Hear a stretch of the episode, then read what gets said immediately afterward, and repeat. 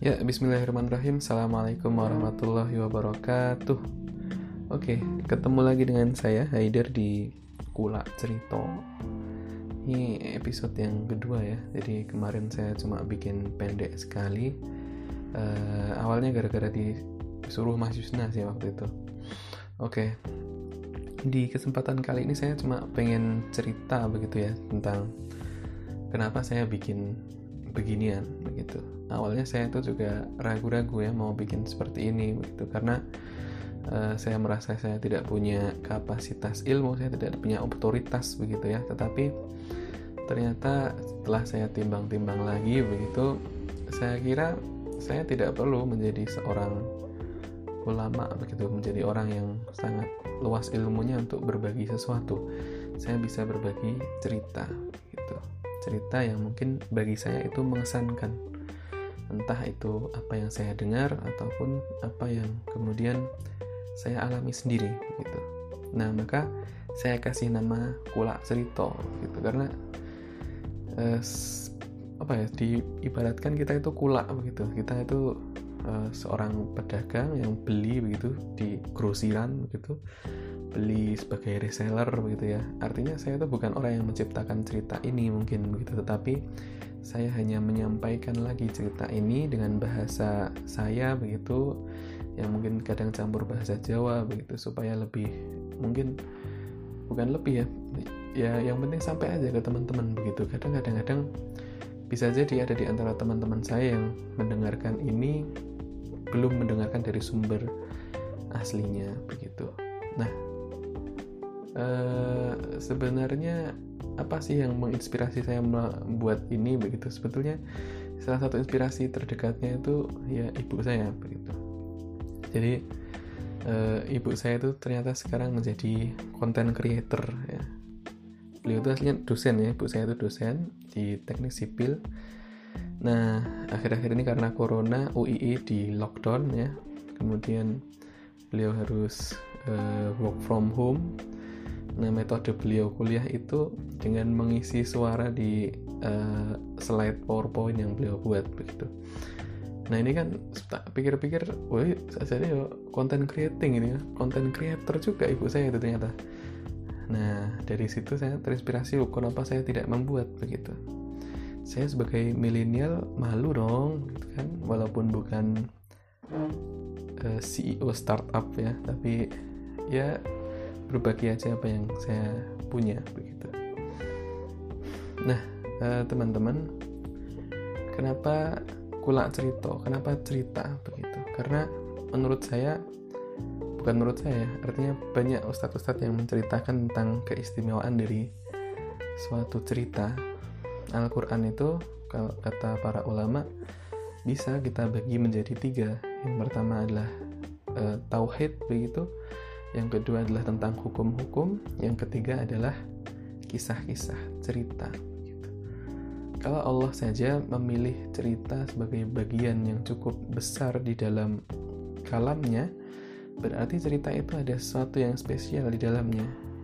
Barangkali memang manusia itu diciptakan punya kecenderungan khusus terhadap cerita. Nah, tentu di antara cerita itu ada yang baik dan ada yang buruk ada yang mengajarkan kebaikan, ada yang berekses pada uh, sesuatu yang dipelajari secara salah gitu. Ya, di Indonesia ini ada banyak dongeng begitu yang ketika kita pelajari lagi kita nggak bisa terlalu paham begitu pesannya itu sebetulnya yang mana ya apakah kancil itu disebut cerdik karena dia pintar menipu begitu ya mungkin itu pelajaran yang diambil oleh mereka yang suka SMS kita gitu ya. Mama minta pulsa atau tiba-tiba ada orang ngirim nomor rekening ini nomor rekening saya begitu kan. Nah e, terlepas dari itu semua cerita itu punya kekuatan gitu. Kekuatan untuk menembus hati kita. Karena cerita yang nyata itu berarti dialami oleh seseorang. Dan ketika ia dialami oleh seseorang artinya kita bisa berempati terhadap apa yang terjadi. Kita bisa memasukkan dan membayangkan kalau diri kita yang ada di dalam posisi itu mampukah kita seperti itu? Apakah respon kita akan sama seperti orang yang diceritakan ini begitu? Atau bahkan jangan-jangan kita itu kalau di posisi yang sama seperti itu kita juga akan menjadi seorang penjahat begitu di situlah kekuatan cerita itu salah satunya yang saya pahami. Maka kulak cerita ini adalah satu usaha begitu ya ikhtiar saya. Saya pengen mengumpulkan begitu cerita-cerita yang menginspirasi dan masuk buat hati saya begitu.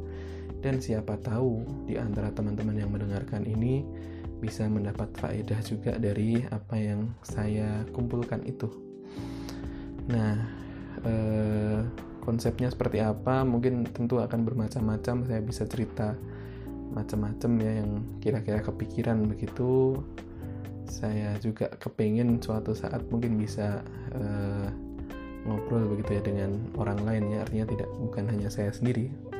Saya ingin ngajak begitu teman-teman begitu di antara teman-teman mungkin ada yang punya cerita begitu. Dan itu menarik untuk disampaikan tapi belum ada kesempatan untuk menceritakan ya saya undang untuk uh, bercerita di sini gitu. Nanti bisa kita lewat zoom atau pakai discord atau apa pun lah. Kita rekam ngobrol begitu ceritakan saya akan mendengarkan dan saya akan uh, menanggapi sedikit begitu ya. Nanti bisa kita diskusikan bareng-bareng cerita itu. Nah itulah perkenalan episode yang nomor 2 di pula cerita ini. Semoga bermanfaat ya semoga Allah beri hidayah dan taufik untuk um, menjalani apa yang saya rencanakan ini dan terus berikan kelurusan niat pada saya dan juga teman-teman sekalian.